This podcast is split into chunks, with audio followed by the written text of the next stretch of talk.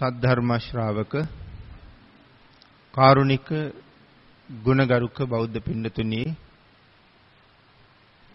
අග්‍ර ශ්‍රාවක විහාරස්ථානයේ වැඩ සිටින ගෞරවනීය මහා සංඝරත්නයේ සියලු දෙනා වහන්සේලාගෙන් අවසර මේ සදහවත් පිරිස බොහෝම ශ්‍රද්ධාවෙන් යුක්තව සැදී පැහැදී සූදානම් වෙන්නේ තථාගත ශාන්තිනායක සම්මා සම්බුදුරජාණන් වහන්සේ විසින් දේශනා කොට වදාළ අති උතුම් ශ්‍රී සද්ධර්ම රත්නයෙන් අබමල් රේණුවකටත් වඩා අඩු බොහෝම පුංචි කොටසක් දේශනා කරවගෙන ධර්ම ගෞරවය පෙරදරි කරගෙන දේශනාගත ධර්මයේ ශ්‍රවණය කරන්නත් එසේ ධර්ම ශ්‍රවණය කිරීමෙන් ලැබෙන අවවාද අනුශාසනා තම තමන්ගේ ජීවිතවලට එකතු කරගෙන වඩාත් නිවැරදි ඊ타ත්ම ධර්මානුකූල වූ මෙලව ජීවිතයක් සකස් කරගන්නත් නිවැරදි වූත් ධර්මානුකූල වූත් මෙලව ජීවිතයක් තුලින් සුගතිගාමී වූ පරලොව ආයති භවයකින් සැනසීමේ උතුම් පරමාර්ථයේ ඇතුවයි මේ සද්ධර්ම ශ්‍රවණය කරන්න සූදානම් වෙන්නේ. පින්නතුනි භාග්‍යවතුන් වහන්සේ විසින් අවබෝධ කරගෙන දේශනා කොට වදාළ මේ අති උදාරතර වූ ශ්‍රී සද්ධර්මය යම් කෙනෙක් යම් පිරිසක් ලෝක සත්වයන් පිළිබඳව අනුකම්පාවෙන් දානය කරවන්නේ නම් ඒ අයට ලැබෙන ආනිසංසය මෙච්චරක් මෙපමණක් කියලා සීමාවක් කරලා දක්වන්න බැරි අසීමාන්තික ආනිසංස සමුදායක්. අපේ බුදුරජාණන් වහන්සේ සවැත් නුවර ජේතවනාරාමේ වැඩ ඉන්න කාලේ සක්‍ර දේවේන්ද්‍රයන් වහන්සේ විශාල දිව්‍ය පිරිසක් සමග බුදුරජාණන් වහන්සේ ළඟට ඇවිල්ලා ප්‍රශ්න හතරක් ඇහුවා. එහි පළවෙනි ප්‍රශ්නය තමයි ස්වාමීනි මේ ලෝක ධාතුෙහි ඇති සියලුම දාන සියලු දාන කියලා කියහම සියලු දාන මොනවද කියලාවත් අපි දන්නේ නමුත් මේ සියලුම දානයන් අභිභවනය කරපු යම් මහත්ඵල මහානිසංසදායක පින්කමක් තියෙනවා නම් ඒ එකම දාණය මොකක්ද කියලා ඇහුවා. එයට බුදුරජාණන් වහන්සේ ලබලා දුන්න පිළිතුර තමයි සබ්බ දානං ධම්ම දානං ගිනාති.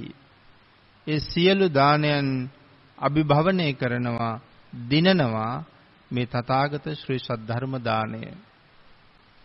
එහෙමනම් ඒ තරම්ම ශ්‍රේෂ්ඨ පින්කමක් සද්ධර්ම දාණය ලෝක ධාතුවේ ඇති ඉහළම ආනිසංස සහිත දානයයි. එහෙමනම් මේ ධර්ම දේශනා පින්කම සංවිධානය කරන පින්වත් පිරිස මේ අති උතුම් දානමය පින්කමයි සිදු කරගනු ලබන්නේ. වෙසක් පුර පසළොස්වක පෝයට සමගාමීව විශාල පිරිසක් විශේෂයෙන් තරුණ පිරිසක් සංවිධානය කරගෙන සද්ධර්ම දානමය පින්කමක් සම්මා සම්බුදුරජාණන් වහන්සේ නම් කවුද කියන කාරණාව අවධාරණය කරවමින් මේ දේශනාව කරමු කියලා ධර්ම දේශනාවට ආරාධනා කරපු පින්වත් පිරිස සිහිපත් කිරීමක්ද කළා. යම් කෙනෙක් හොඳට බණ අහනවා නම් මාර්ගඵල පවා ලබන්න පුළුවන් කියලා ධර්මයේ සඳහන් කරනවා. අපේ ශාසනයේ මාර්ගඵල අවබෝධ කරගත් අයගෙන් වැඩි පිරිසක් ධර්ම ශ්‍රවණය කරපු අය කියලායි සඳහන් වෙන්නේ. බණ අහලා තමයි වැඩි දෙනෙක් මගඵල ලැබලා තියෙන්නේ. එහෙම මාර්ගඵල ලබනද බණ අහන්න ඕනේ කොහොමද කියන කාරණාවත් බුදුරජාණන් වහන්සේ දේශනා කරලා තියෙනවා. අහන්න ඕනේ ක්‍රමයක් දේශනා කළා. හැබැයි එහෙම බණ අහන අය ලෝකේ හරි දුර්ලභයි කියන කාරණාව අංගුත්තර නිකායේ තික නිපාතේනොත් පංචක නිපාතේනොත් සූත්‍ර දෙකකින් පැහැදිලි කරලා තියෙනවා. නමුත් බුදුරජාණන් වහන්සේ ධර්ම ශ්‍රවණය කරන්න කියලා අපිට දේශනා කළේ කොහොමද? බණ අහන හැම කෙනෙක් ගාවම මහත් වූ බලාපොරොත්තුවක් තිබිය යුතුයි කියලා දේශනා කළා. ඒ බලාපොරොත්තුව තමයි මේ ධර්ම දේශනාව ශ්‍රවණය කරන අතරතුරදීම මාගේ පංච නීවරණ ධර්මයන් යටපත් වේවා. සප්ත බොද්ධාංග ආදී ධර්මයන් වැඩි දියුණු වේවා. මේ දේශනාව අතරතුරදීම මට උතුම් මාර්ගඵලයක් අවබෝධ වේවා කියන සිතින් යුක්තවම ධර්ම ශ්‍රවණය කරන්නයි භාග්‍යතුන් වහන්සේ දේශනා කළේ. අපි මේ විදිහට බණ අහන්න උත්සාහ කරමු. පින්නතන මේ ලෞත්‍රා බුදුරජාණන් වහන්සේලා ලෝක ධාතුවේ පහළවීම ඊටාම දුර්ලභ කාරණාවක්. අතිශයින්ම දුර්ලභයි බුදවරු ලෝකේ පහළ වෙන එක. යටත් පිරිසෙන් බුදුරජාණන් වහන්සේලා දෙදෙනෙක් අතර කාලය මහා කල්ප 30ක්වත් තියෙනවා කියලායි සඳහන් වෙන්නේ. ඒ තමයි අඩුම මහා කල්ප 30ක්වත්. දෙදෙනෙක් අතර කාලය. වැඩිම වුණොත් මහා කල්ප අසංඛ්‍ය ගණන් බුදවරු නැතුව බුද්ධ ශූන්‍ය කාල පවතිනවා. එමනම් මේ මහා කල්පයක් කියලා කියන්නේ මොකක්ද? මේ කාරණාව බොහොම කෙටියෙන් සිහිපත් කෙරුවොත්. සඳහන් කරනවා ධර්මයේ තුල මේ එක මහා කල්පයක් ඇතුලේ අසංක්‍ය කල්ප කියලා කල්ප හතරක් තියෙනවා කියලා. මහා කල්පයක් ඇතුලේ අසංක්‍ය කල්ප කියලා කල්ප හතරක් තියෙනවා. එක අසංක්‍ය කල්පයක් ඇතුලේ අන්තර්කල්පණං පුංචි පුංචි කල්ප 264ක් තියෙනවා කියලා සඳහන් කරනවා. එතකොට මේ අන්තර්කල්පයක් කියලා කියන්නේ මොකක්ද? අසංක්‍ය කල්පයක් ඇතුලේ අන්තර්කල්ප 64ක් තියෙනවා කියලා සඳහන් කරන්නේ. මහා කල්පය ඇතුලේ අන්තර්කල්ප 256ක් තියෙනවා කියලා සඳහන් කරන්නේ. එතකොට අන්තර්කල්පයක ආයුෂය වෙනම පැහැදිලි කරලා තියෙනවා. සඳහන් කරනවා එක අන්තර්කල්පයකට තියෙන ආයුෂ මනුෂ්‍ය වර්ෂ වලින් අසංඛ්‍ය 86 ලක්ෂ 40000ක් කියලා. එතකොට මොකේද මේ අසංඛ්‍ය කියලා කියන්නේ? 1.140කින් ලියන ගණනකට තමයි අසංඛ්‍ය කියලා කියන්නේ. අපිත් අද ඒ ඒ ගණන් ලියන ඉලක්කම් ප්‍රමාණයක් තියෙනවා. මේ අසංඛ්‍ය කියන ගණන ලියලා තියෙන්නේ 1.140න්. මේ 1.140 එවුවා අසංඛ්‍ය 1.140යි කියන්නේ අසංඛ්‍යයට එවන් අසංඛ්‍යයවල් 86 ලක්ෂ 40000ක් මනුස්ස වර්ෂයෙන් ආයුෂ තියෙනවා කියලා සඳහන් කරනවා එක අන්තර්කල්පයකට. ඉතින් අපිට හිතෙන්න පුළුවන් මෙච්චර ගණන් කරපු අය ලෝකෙ හිටියද කියලා. අපිට එහෙම හිතෙන්නේ අපේ මට්ටමේ. අපි සමහර වෙලාවට අද හිතනවා වෙන්න පුළුවන් මේ තමයි ලෝකෙ දියුණුතම අවධිය කියලා. නමුත් අතීතයේ දියුණුවත් එක සංසන්ධනය කරලා බැලුවොත් අපි තවම ජීවත් වෙන්නේ නොදියුණු ඊටාම පහත් ලදරු මට්ටමක. පෙර පාසල් අවධියක වගේ තමයි අතීතයත් එක්ක සංසන්ධනය කරනකොට අපි ඉන්නේ.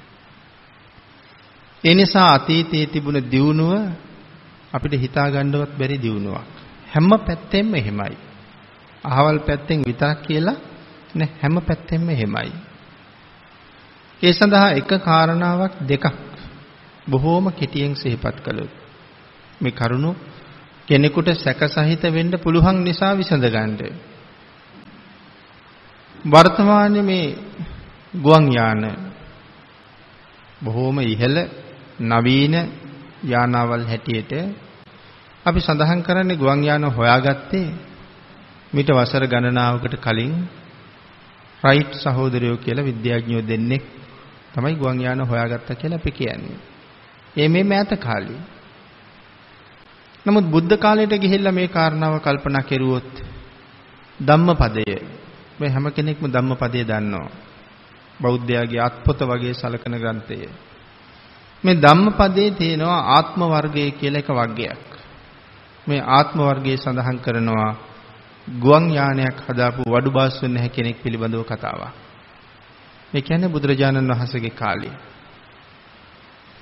බෝධි රාජ කුමාරයා මාලිගාවක් හැදෙව්වා. ඒ මාලිගාවට කියන්නේ කෝකනද මාලිගාව කියලා. මේ බෝධි රාජ කුමාරයාගේ මාලිගාව නිර්මාණය කරලා ඉවර වෙනකොට බෝධි රාජ කුමාරයා කල්පනා කරනවා මේ වාගේ මාලිගාවල් මේ මහ පොළොව මත තවත් ඉදි වෙලා බෑ. එහෙම වුණොත් මගේ මාලිගාවේ තියෙන වටිනාකම අඩු වෙන්න පුළුවන්. එක වාගෙව්වා ගොඩක් තියෙනවා එතකොට. ඒ එවන් තවත් මාලිගා හැදෙන එක නවත්තන්න නම් මේ බාස්වන් නැහැ ගෙවල් හදන එක නවත්තන්න ඕනේ. එහෙමනම් කරන්න තියෙන්නේ මාලිගාවේ වැඩ ඉවර කරලා බාර දෙනකොට බාස්වන් නැහැ මරලා දාන්න ඕනේ.